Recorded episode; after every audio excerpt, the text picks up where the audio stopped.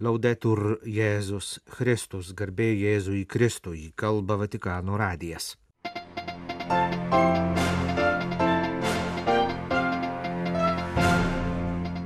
Popiežiaus bendroji audiencija. Katechezė popiežius skyrė per didžiąją savaitę švenčiamiems mūsų išganimo slėpiniams. Pranciškus taip pat prašė melstis už karo nusikaltimo aukas.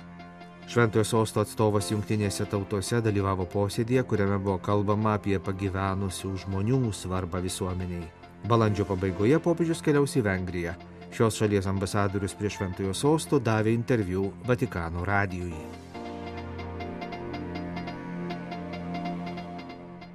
Kontempliuodami nukryžiuotą į Kristų nusimeskime kaukės, išpažinkime, kad ir mes esame žaizdoti, padėkime šalia mūsų esantiems kenčiantiems žmonėms. Kalbėjo popiežius didžiojo trečiadienio rytą Šventojo Petro aikštėje vykusios bendrosios audiencijos dalyviams.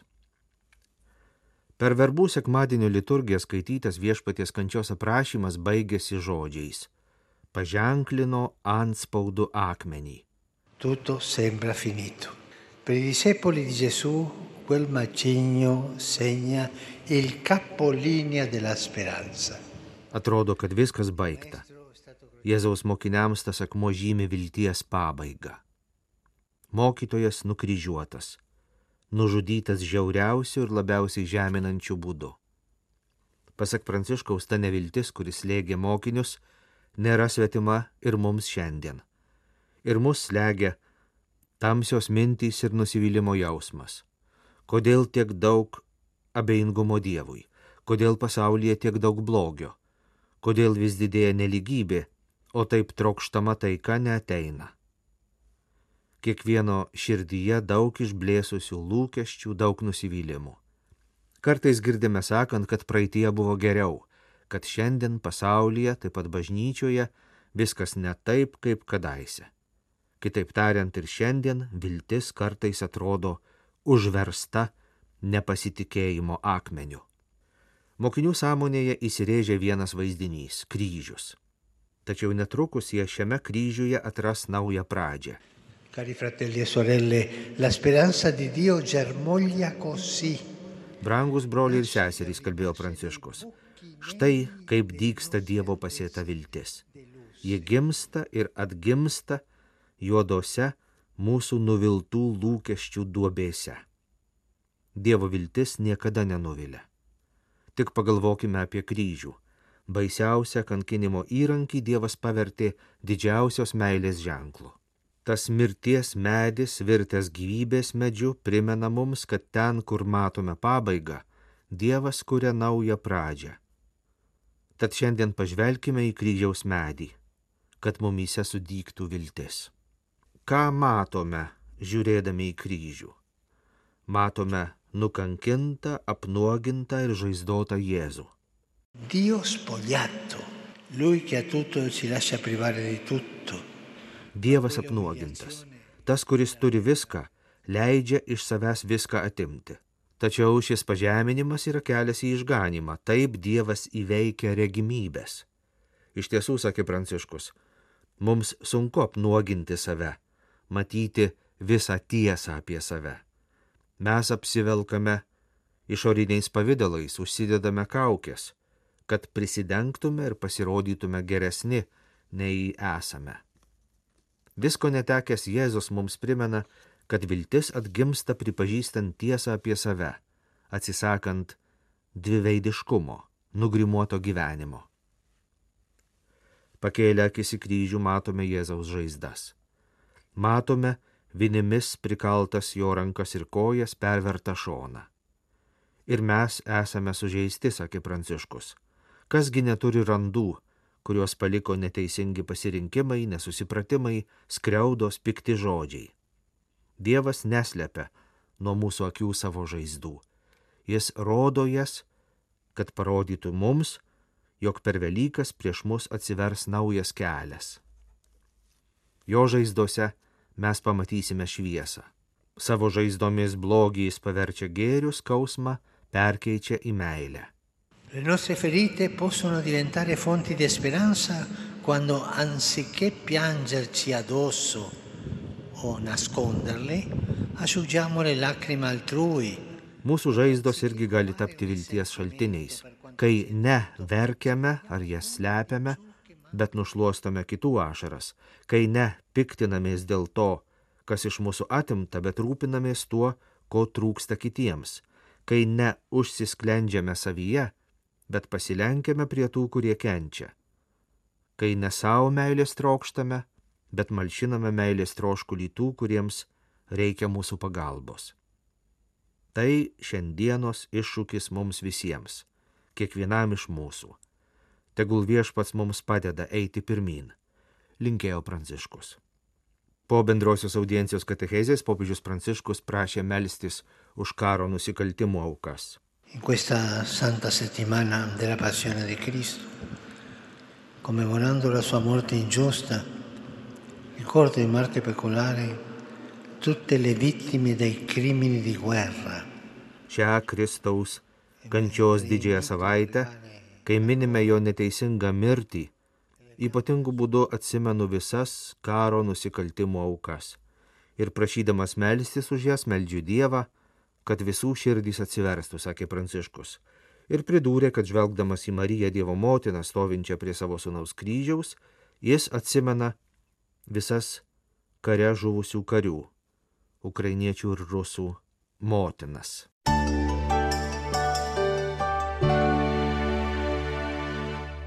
Balandžio trečią dieną arkivyskupas Gintaras Grušas dalyvavo mitingė katedros aikštėje, skirtame Bučoje ir kitose Ukrainos miestuose žuvusiems atminti, praneša Vilniaus arkiviskupijos spaudos tarnyba.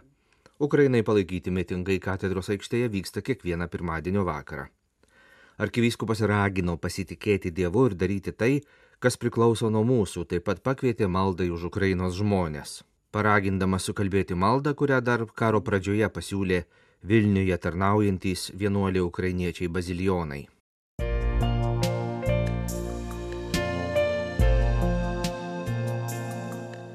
Jūs klausotės Vatikanų radio. Tęsėme žinių laidą lietuvių kalba.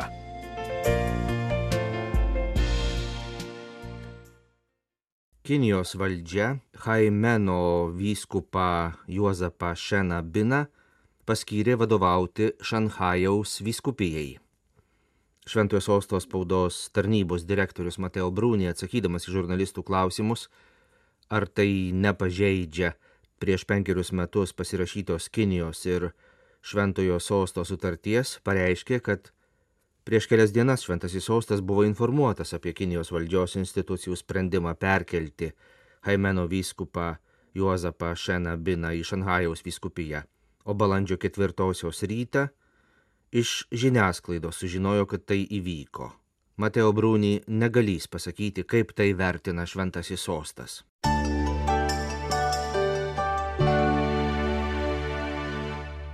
Vyresnio amžiaus žmonių vis daugiau. Kas jiems bus pasiūlyta? Netikras eutanazijos gailestingumas ar tikras socialinis įtraukimas? Svarstė arkivyskupas Gabrielė Kačia, Šventojo sosto nuolatinis stebėtojas Junktinių tautų organizacijoje, dalyvaudamas diskusijoje apie visuomenių senėjimą, vyresnio amžiaus žmonių orumą ir teises. Arkivyskupas priminė popiežiaus pranciškaus dažnai kalbančio apie senatvės amžių žodžius, jog vyresnio amžiaus žmonės yra švelnumo ir gyvenimo išminties pasiuntiniai, ateities pasiuntiniai. Tuo tarpu mūsų kultūroje, išmetimo kultūroje jie yra nustumiami į šalį. Visuomenė, kuri priešingai nori branginti savo senelius, turi perkurti vidaus teisę, kad vyresnio amžiaus žmonės galėtų už prieinamą kainą gauti socialinę apsaugą, sveikatos priežiūrą ir pagalbą namuose. Kartu reikėtų aktyviai stiprinti politiką, kuria remiama šeimos gerovė, nes šeima yra pagrindinė atrama seneliams ir pagyvenusiems šeimos nariams.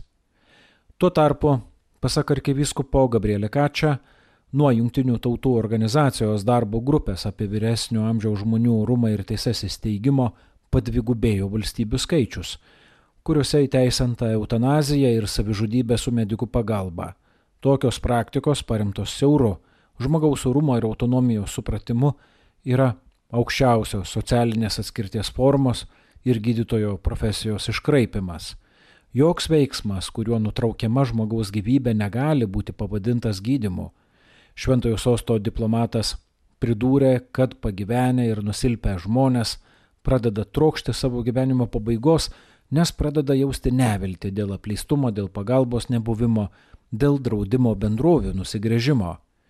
Kai visuomenė vietoj užuojautos pasiūlo savižudybę, ji patvirtina, kad vertina žmonės tik tol, kol jie nieko iš mūsų neprašo, nors, citavo dar kartą arkivyskupas Gabrielė Kačia popiežių pranciškų, prasta sveikata ar negale niekada neturi būti priežastis atstumti ar dar blogiau eliminuoti asmenį. Labai dažnai didžiausias trūkumas, kurį patiria pagyvenę žmonės, nėra sveikatos, bet meilės trūkumas. Šventasis sostas tvirtina visų žmonių vienodą orumą, visais žmogaus gyvenimo etapais iki pat natūralios mirties ir skatina dėti pastangas, kad kiekvienas jaustųsi lydimas ir globojamas, taip pat sudėtingiausiomis gyvenimo akimirkomis, sakė arkivyskupas Gabrielė Kačia.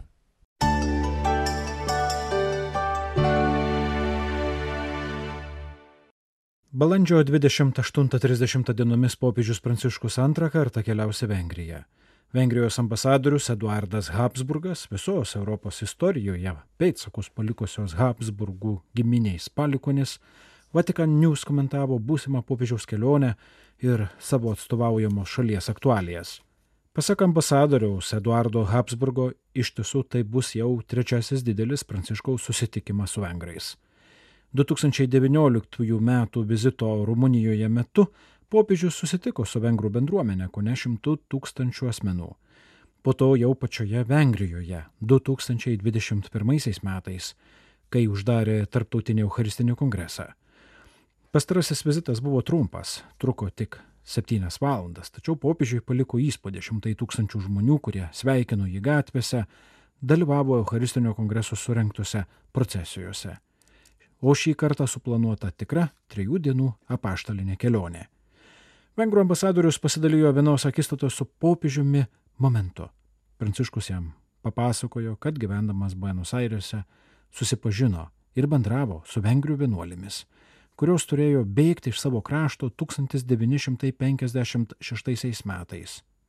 Iš jų jis sužinojo daug dalykų apie Vengriją ir jos žmonės, gerus ir drąsius, mylinčius savo tėvynę. Apie pusę Vengrijos gyventojų save vadina krikščionimis, katalikai sudaro trešdalį populacijos. Komentuodamas savo valstybės krikščionybę, vengrų ambasadorius pažymėjo, kad istoriškai galima sakyti, jog Vengrija yra katalikiškas kraštas. Nuo pat to meto, kai pirmasis karalius Steponas prieš tūkstantmetį nusprendė užmėgsti glaudžius ryšius su Roma. Beje, jų rūpešių amžinajame mieste iškilo ir specialūs piligrimų iš Vengrijos namai. Po to Vengrijos istorija buvo sudėtinga ir sunki. Tai 16-17 amžių sukretimai, musulmonų, osmanų okupacija, Habsburgų okupacija, galiausiai galima sakyti komunistinio režimo okupacija. Tai, kad šiandien Vengrijoje krikščioniškas tikėjimas yra gyvybingas bei regimas, yra stebuklas. Mūsų šalis nebijo parodyti religijos ir tikėjimo viešoje erdvėje. Turime aišku bažnyčios ir valstybės atskirimą, kaip šiais laikais įprasta ir normalu, tačiau bažnyčia ir valstybė dirba kartu. Pažymėjo ambasadorius Eduardas Habsburgas priminęs, jog nacionalinio himno pirmoji eilutė, prašanti Dievo palaiminimo vengrams, yra įrašyta ir į Konstituciją. Kaip minėta, Konstitucija aiškiai pabrėžia, jog valstybė bažnyčios, religinės bendruomenės bendradarbiauja kartu dėl visuomenės gėrio. Daug kur galima sutikti žmonių, kuriems svarbus krikščioniškas tikėjimas, įskaitant ministrą pirmininką ar prezidentę, abu pamaldžius kalvinistus.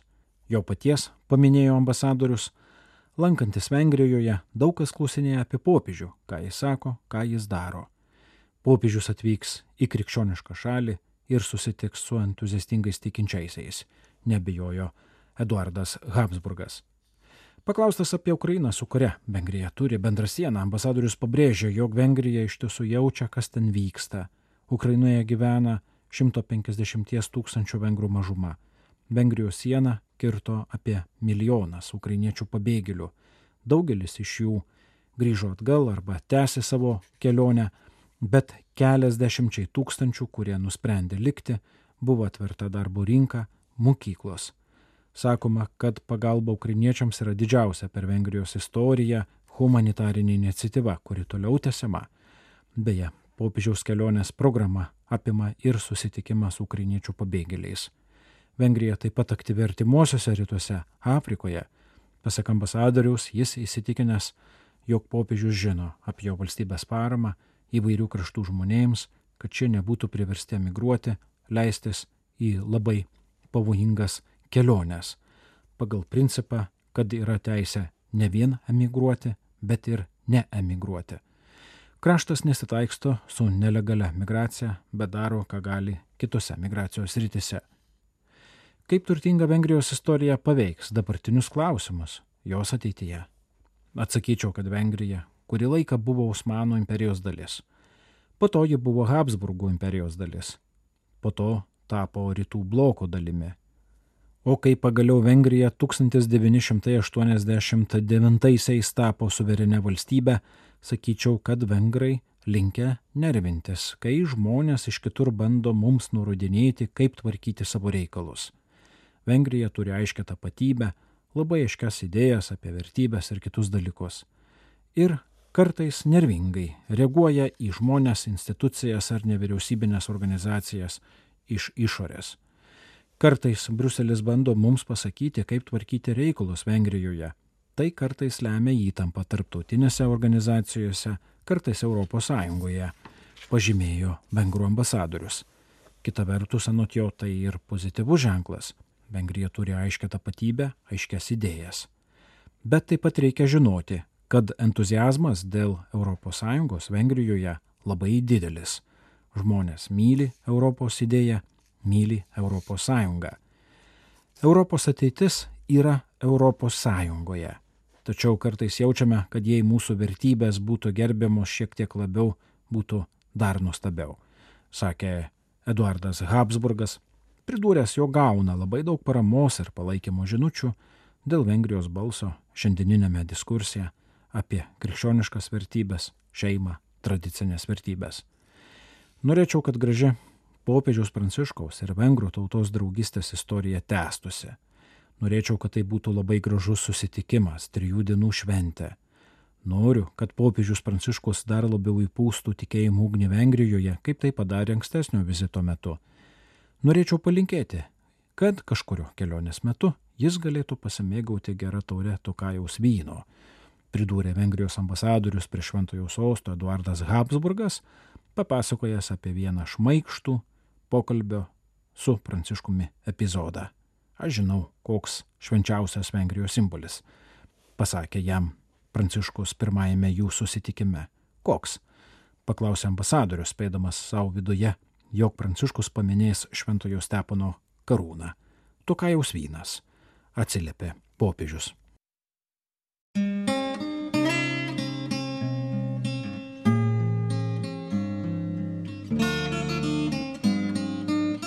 Kalba Vatikano radijas. Laidą lietuvių kalba baigėme. Garbėjai Jėzui Kristui, laudetur Jėzus Kristus.